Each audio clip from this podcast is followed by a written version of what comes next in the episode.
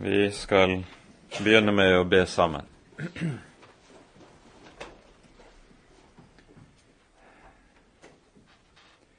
Kjære gode Herre, Hellige Far. Vi kommer inn for dine øyne og takker og lover deg, Herre, at du selv har lovet å være hos oss når vi er samlet i Jesu navn. Takk, Herre, for budskapet du har gitt oss om din Sønn.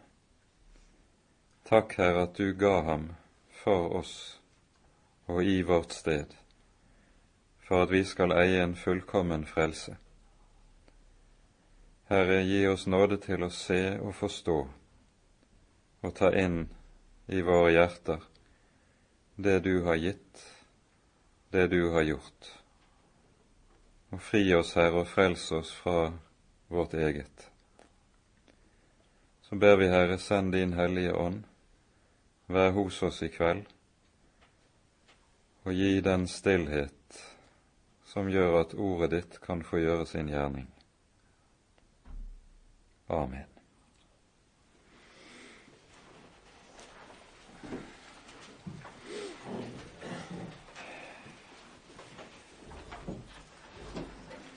Bibeltimene som vi nå har hatt tidligere i vår, de har hatt det med seg når vi har gått gjennom dette eh, første hovedavsnittet i Romerbrevets første kapittel, at de legger forutsetningen for det budskap som nå møter oss i andre hoveddelen i Romerbrevet, i andre delen av kapittel tre.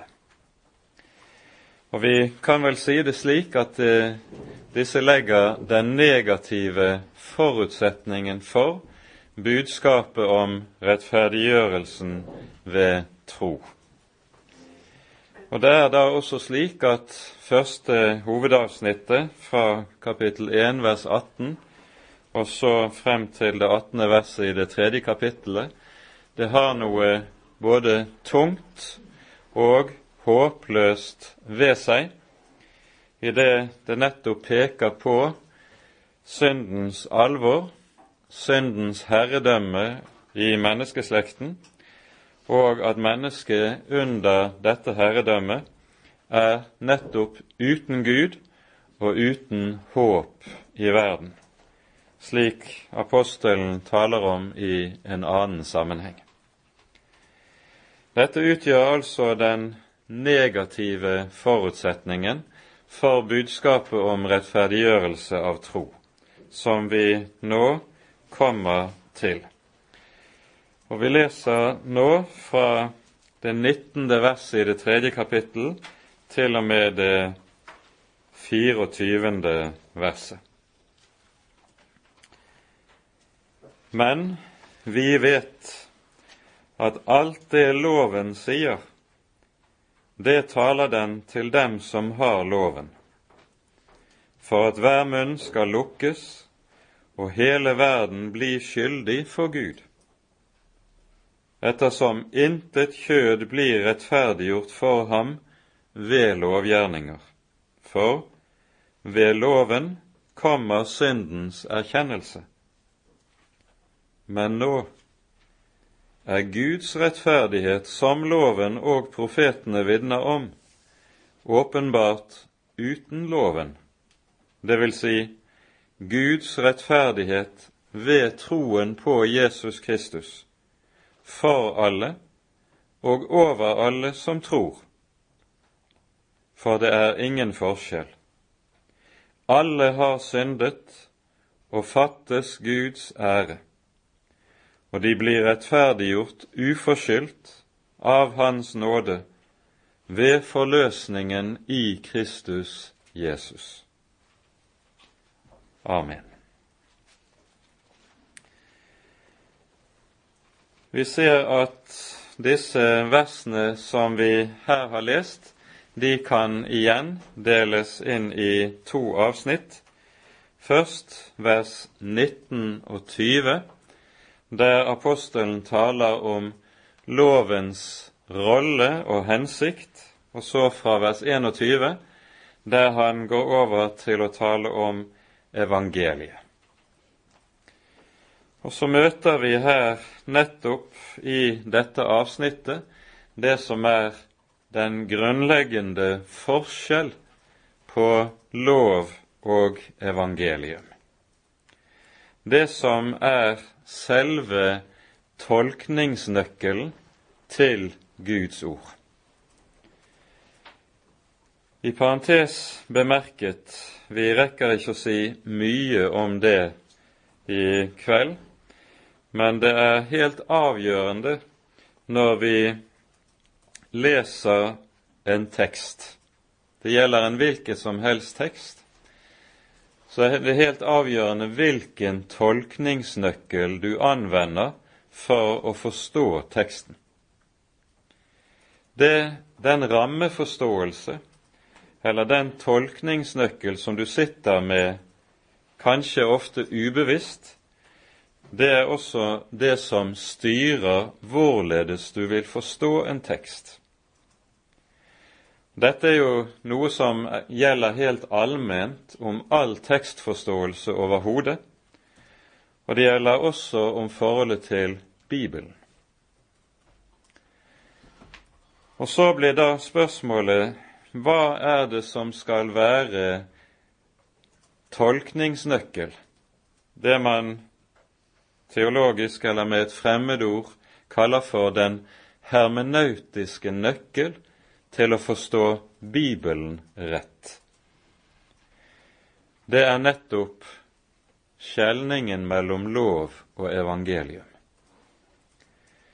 Dette er helt avgjørende, og samtidig skal vi være klar over at her er det også slik at den lutherske kirke er den eneste kirkedannelse som har dette nedfelt som det som er hovedgrunnlaget for å forstå Den hellige skrift.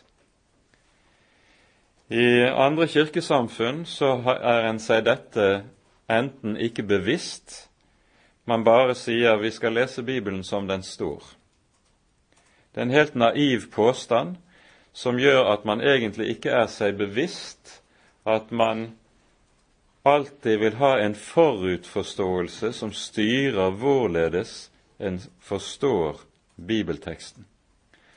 Og Hvis en ikke er seg det bevisst, så vil en ofte da også styres av forutsetninger som er utenom bibelske, og som en da ikke er oppmerksom på, og som gjør at en vil kunne komme til å forstå bibelteksten meget galt. En må være seg bevisst når en har med tekster å gjøre, så skal tekster alltid tolkes. Spørsmålet er hvilken nøkkel bruker du når du skal tolke og forstå tekstene. Og Her er hele poenget når Den lutherske kirke sier at lov og evangelium er nøkkelen til å forstå Den hellige skrift rett. Så er det at dette er en nøkkel som Bibelen selv gir oss. Dette er nemlig en av hovedhensiktene med at Paulus har skrevet Romerbrevet først og Galaterbrevet derefter.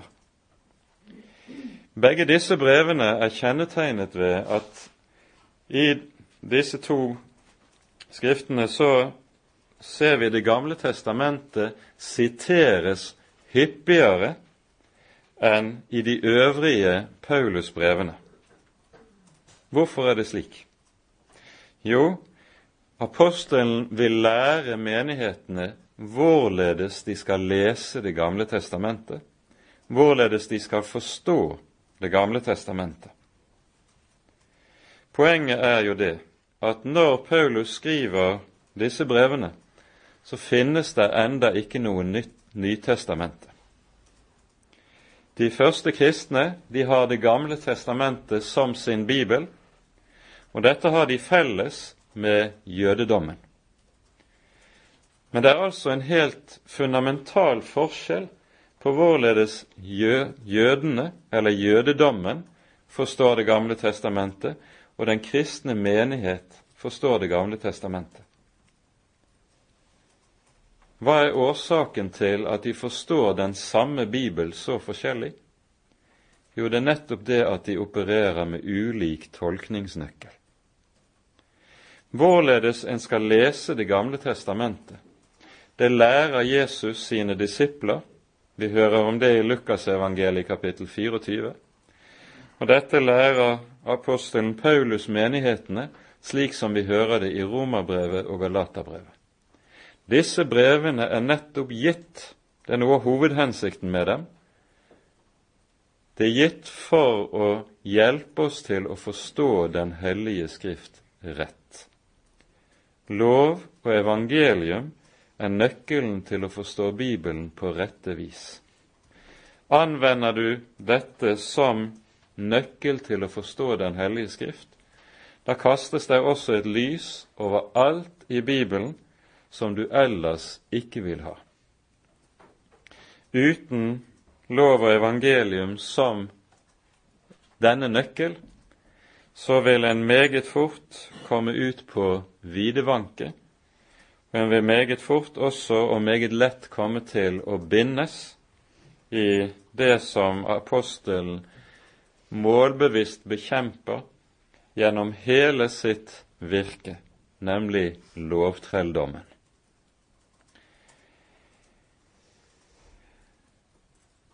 Det er altså noe av dette som vi nå finner angitt i disse versene, men la oss nå se nærmere på dette. Vi vet, innledes vers 19 med. Og med det pekes det på noe som er ganske viktig å være oppmerksom på. Her taler apostelen om den kristne kunnskapen, noe som er gitt i og med erkjennelsen av evangeliet, og som de troende altså eier. Vi vet, sier han. Dette uttrykket anvender han derfor også i en rekke andre sammenhenger, både her i Romerbrevet og i de øvrige brevene, for å understreke noe som er særmerkt for den kristne kunnskapen, og som gjør den kristne erkjennelse forskjellig fra annen religiøs erkjennelse overhodet. Vi vet. Vi vet at alt det som loven sier, taler den til dem som har loven, for at hele verden skal for at hver munn skal lukkes og hele verden bli skyldig for Gud. Dette er det grunnleggende i den kristne erkjennelse av Guds hellige lov. Og Her ser vi også hvordan apostelen har kommet til en totalt ny erkjennelse av lovens betydning og rolle i forhold til det som var situasjonen da han var fariseer. For hvorledes så fariseerne på loven? De leste jo loven meget grundig og gjorde alt de kunne for å etterleve loven på ramme alvor. Og de så på Guds hellige lov slik vi finner den i Mosebøkene, som den gave Gud har gitt mennesket for å hjelpe mennesket til å bli fri syndens herredømme. Det var fariseernes holdning til loven. Som kristen er dette snudd radikalt på hodet for Paulus. Han kan si i 1. Korinterbrevs 15. kapittel følgende Syndens kraft er loven. Så langt ifra at loven bryter syndens herredømme, så virker loven til at syndens herredømme blir større, blir for et sterkere grep om mennesket, Når apostelen sier noe slikt, så reiser håret seg på hodet for enhver fariseer. Men vi skjønner hvorfor apostelen nå kan si 'vi vet'. Den kristne forståelse av loven skiller seg altså fundamentalt fra den forståelse han tidligere hadde hatt av den. Og Dette handler altså ikke om hvorvidt man ser på loven som Guds ord eller ei. Vi ser som kristne på loven som Guds ord, akkurat som fariseerne gjør det. Men loven har en helt annen betydning ut fra den kristne erkjennelse. Loven er gitt hvorfor? For at, sies det. Og med dette for at så pekes det på hva som er Guds hensikt med å gi sin hellige lov. For at hver munn skal lukkes, og hele verden blir skyldig for Gud. Hva betyr dette som vi her hører? At munnen skal lukkes, det innebærer at loven kommer til mennesket ikke for å hjelpe mennesket til å finne rett vei i livet. Men loven kommer til mennesket som en anklager og som en dommer. Hva er nemlig Guds hellige lov? Det første vi skal være klar over når vi taler om hva loven er for noe, det er nemlig at loven er ikke bare bud som taler om hva du skal gjøre og hva du ikke skal gjøre. Loven er noe langt mer. Loven er åpenbaringen av Guds hellighet. Loven er altså en Guds åpenbaring som lærer oss hvem den levende Gud er. Og Derfor skal du sammenfatte loven så skjer det ved hjelp av ordene i Tredje Moseboks 19. kapittel, der det sies slik:" Dere skal være hellige, for jeg, Herren deres Gud, er hellig. Gud er hellig, og han krever hellighet av oss. Og Lovens hellighet har altså det med seg at der den møter det syndige mennesket, så, så opptrer den som anklager. Luther har formulert dette ganske enkelt ved å si det sånn loven anklager alltid. Der loven kommer for å gjøre seg gjeldende overfor oss, så kommer den ikke som en kraftinnsprøytning for å hjelpe oss til å bli bedre. Nei, den kommer som en anklager. For at hver munn skal lukkes. Det innebærer helt konkret at når mennesket kjenner seg skyldig i møte med denne anklage, så vil den første reaksjonen alltid være sånn som vi kjenner det fra våre egne liv og fra andre menneskers liv, dette at man har utallige måter å unnskylde seg på. Vi ser det jo allerede hos Adam og Eva i begynnelsen. Når Gud stiller Adam spørsmålet 'Hvor er du?' Eva, hva har du gjort? Det første de begynner å gjøre, det er å unnskylde seg, det er å skylde på hverandre. Og På denne måten vil mennesket prøve å slippe unna det å stå skyldige for Gud. Det vil slippe unna alvoret med å stå skyldig for Gud. Vi mennesker er uhyre flinke til dette med å unnskylde oss selv. Komme med de mange jammen, med de mange unnskyldninger som vil bagatellisere synden og få oss til å slippe unna.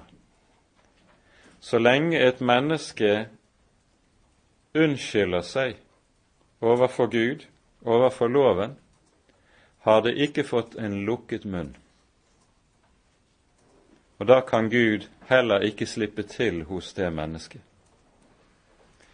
Så lenge et menneske skyver skylden over på andre, enten man skylder på samfunnet, eller man skylder på oppvekstvilkårene for at man er blitt som man er blitt, eller man gjør det ene eller det andre, så flykter mennesket fra ansvaret, og dermed så kan Gud ikke få tak i det mennesket. Loven er gitt for å lukke vår munn, for at vi skal se så sant på oss selv at vi blir skyldige innenfor Gud. Og Grunnen er det som kommer i det neste verset. Ettersom intet kjød blir rettferdiggjort for ham ved lovgjerninger. Når det står 'bli skyldige for Gud', som vi hørte det, så taler det om det som er det mest grunnleggende av alt for oss.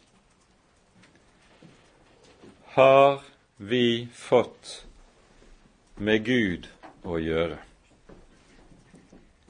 Og et menneske har aldri på ramme alvor fått med Gud å gjøre før det er kommet dit hen at munnen lukkes og en er skyldig for Gud.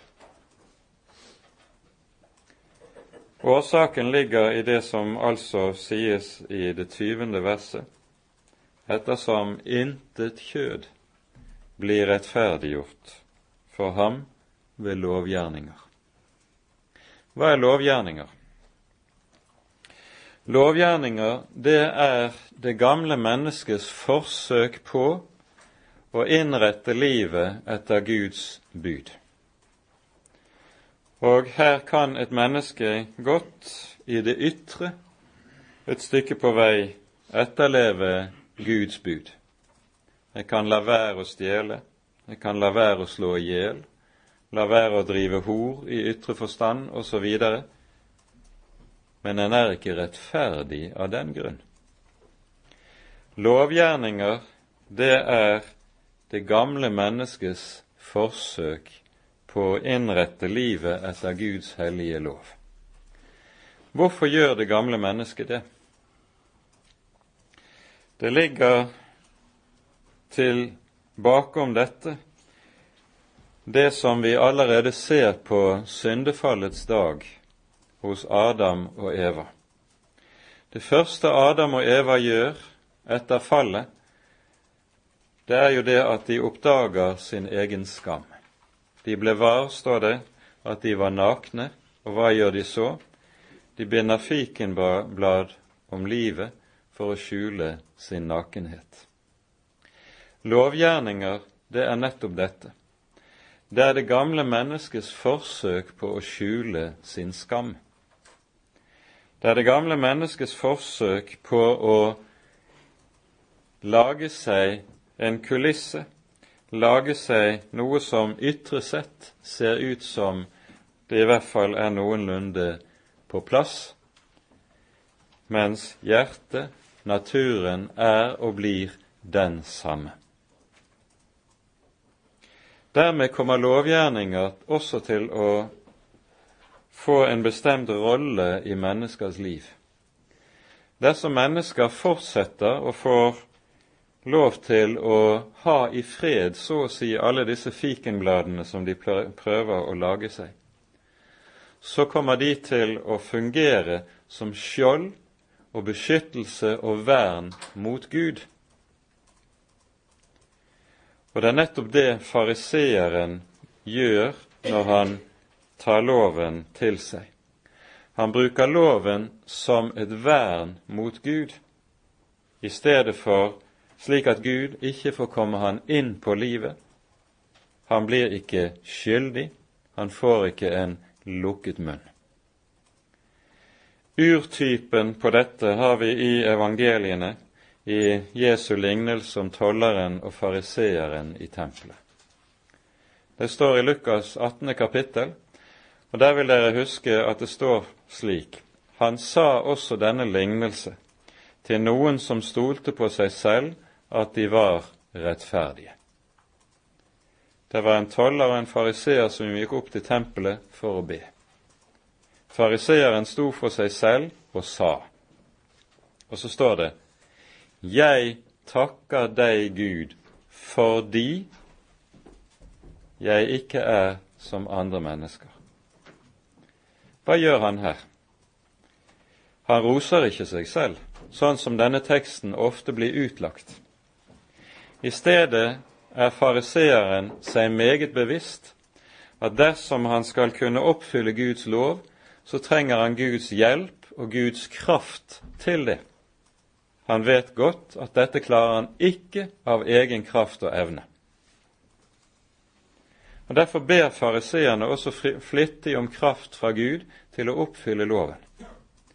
Og Den fariseeren vi her hører om i Lukas 18, han er nettopp en slik som har opplevd å få Guds kraft, mener han, til å bli et annerledes menneske, et bedre menneske. Og så står det 'Jeg takker deg, Gud'. Han lover å takke Gud for at han ikke havnet i rennesteinen som tolleren som står der nede. Dette er lovrettferdigheten. Dette er lovgjerninger. Og det er ingen mennesker som er så langt borte fra Gud som de som lever under lovgjerninger. For her skal vi være klar over, for det første, når Gud har gitt sin hellige lov, så har han ikke gitt noe løfte om at du skal få kraft til å oppfylle loven. Loven, dersom du gir deg på det prosjektet med å prøve å oppfylle den, så må du gjøre det alene. Det er din sak å oppfylle Guds lov. Og vær så god, men Gud gir ikke kraft til det. I stedet gjør, har Gud altså tenkt noe helt annet med loven. Lovgjerninger fører til det vi ser skje hos fariseeren.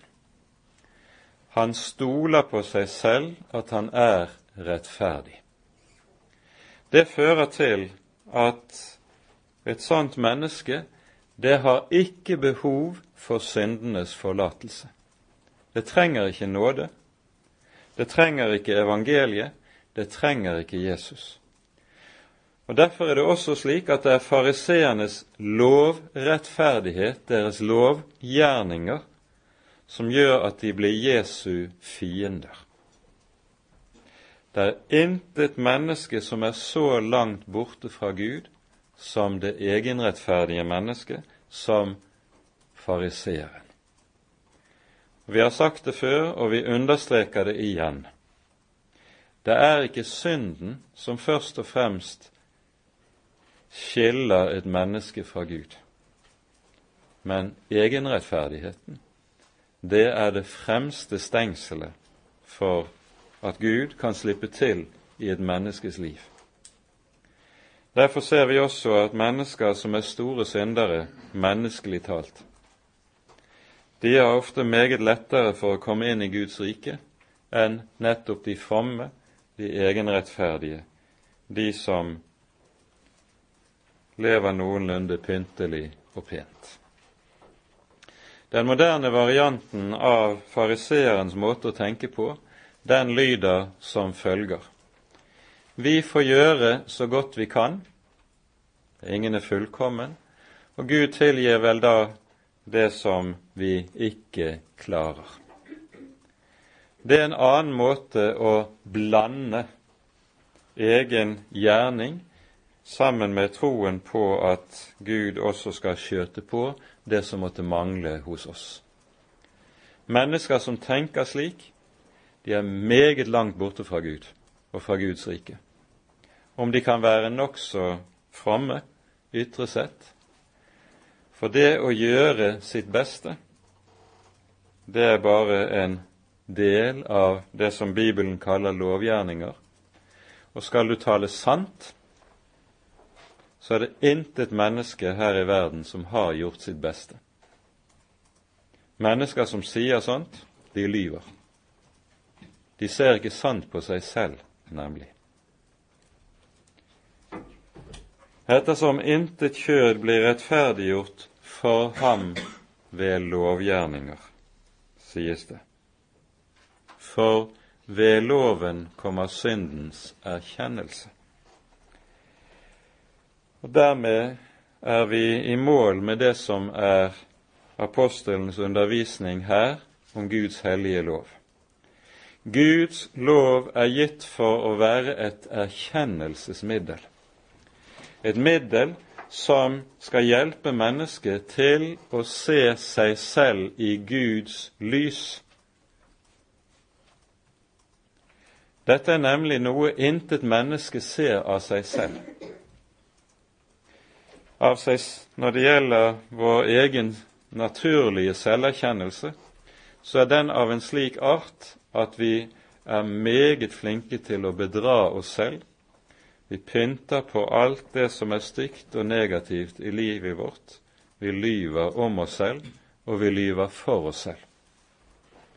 Loven er et erkjennelsesmiddel som skal hjelpe mennesket til å se seg selv i Guds lys.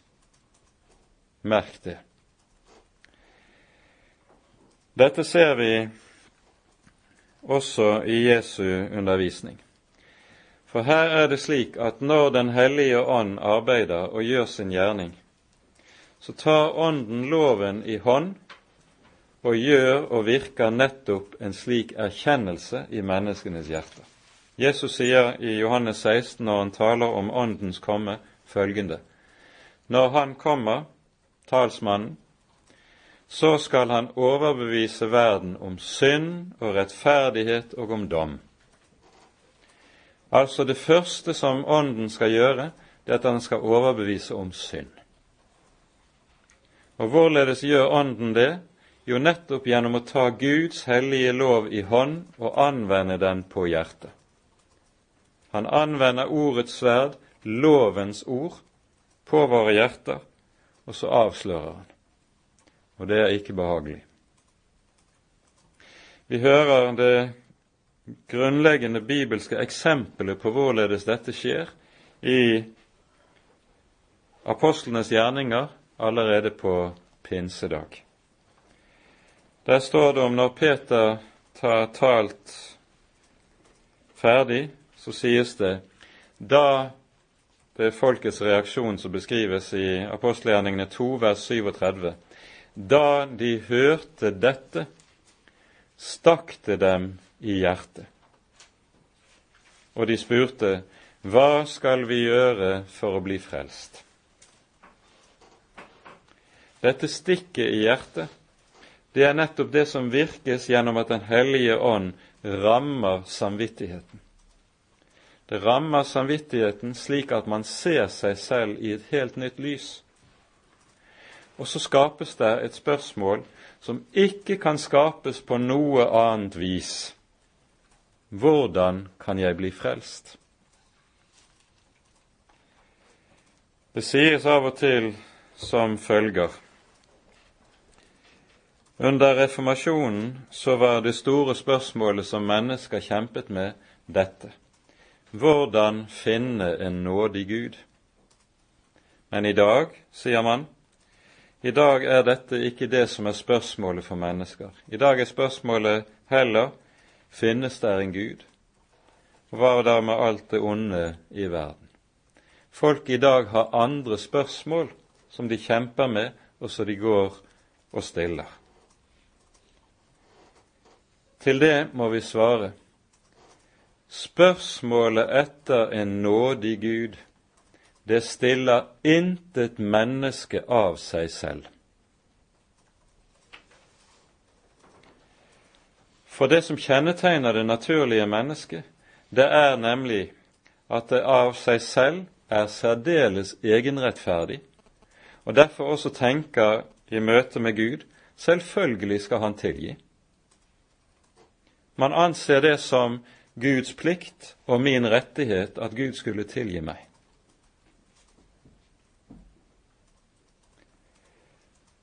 Men når loven får lov til å ramme et menneskes hjerte, da skjer det det med et menneske at det kommer i en nød som er av en slik karakter at jeg er i nød over meg selv. Det er jeg selv som er det egentlige problemet, ikke min neste, ikke forholdene jeg lever under, ikke problemene som jeg bakser med i hverdagen.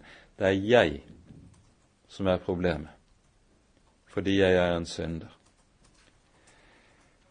En får kommer i en nød som er av en slik art som en begynner å stille spørsmålet hvordan kan Gud i det hele tatt ville ha med meg å gjøre, jeg som er slik? Da blir det en akutt nød for et menneske. Kan Gud være meg nådig, jeg som er sånn som jeg er? Dette er et spørsmål som utelukkende kan vekkes av loven og av forkynnelsen av Guds hellige lov. Intet menneske stiller dette spørsmålet av seg selv. Det er ikke et spørsmål som kommer glidende på en fjøl på naturlig vis. Det er et spørsmål som skapes og vekkes av forkynnelsen av loven. Og Derfor kaller også Paulus loven for, og lovens forkynnelse for, den store pedagogen. I Galaterbrevets tredje kapittel så sier han at derfor er loven vår tuktemester til Kristus. Og Det ordet som her er oversatt med 'tuktemester' i Galaterbrevet, det, det, det greske ordet for dette, det er nettopp paidagogos, som vi har i ordet pedagog. Det er loven som er pedagogen som gjør at evangeliet blir nødvendig for et menneske, som gjør at et menneske begynner å etterspørre evangeliet, at en blir en synder som trenger nåde. Det er loven som altså har det med seg at den skaper denne hunger og tørst etter Jesus. Det kan ikke skapes av noe annet. Det er dette erkjennelsesmiddel som loven er, som er helt avgjørende for at få lov til å gjøre sin gjerning i menneskenes liv og menneskenes hjerter. Hvordan kan jeg finne en nådig Gud? Det spørsmålet stiller mennesker når loven har fått gjøre sin gjerning.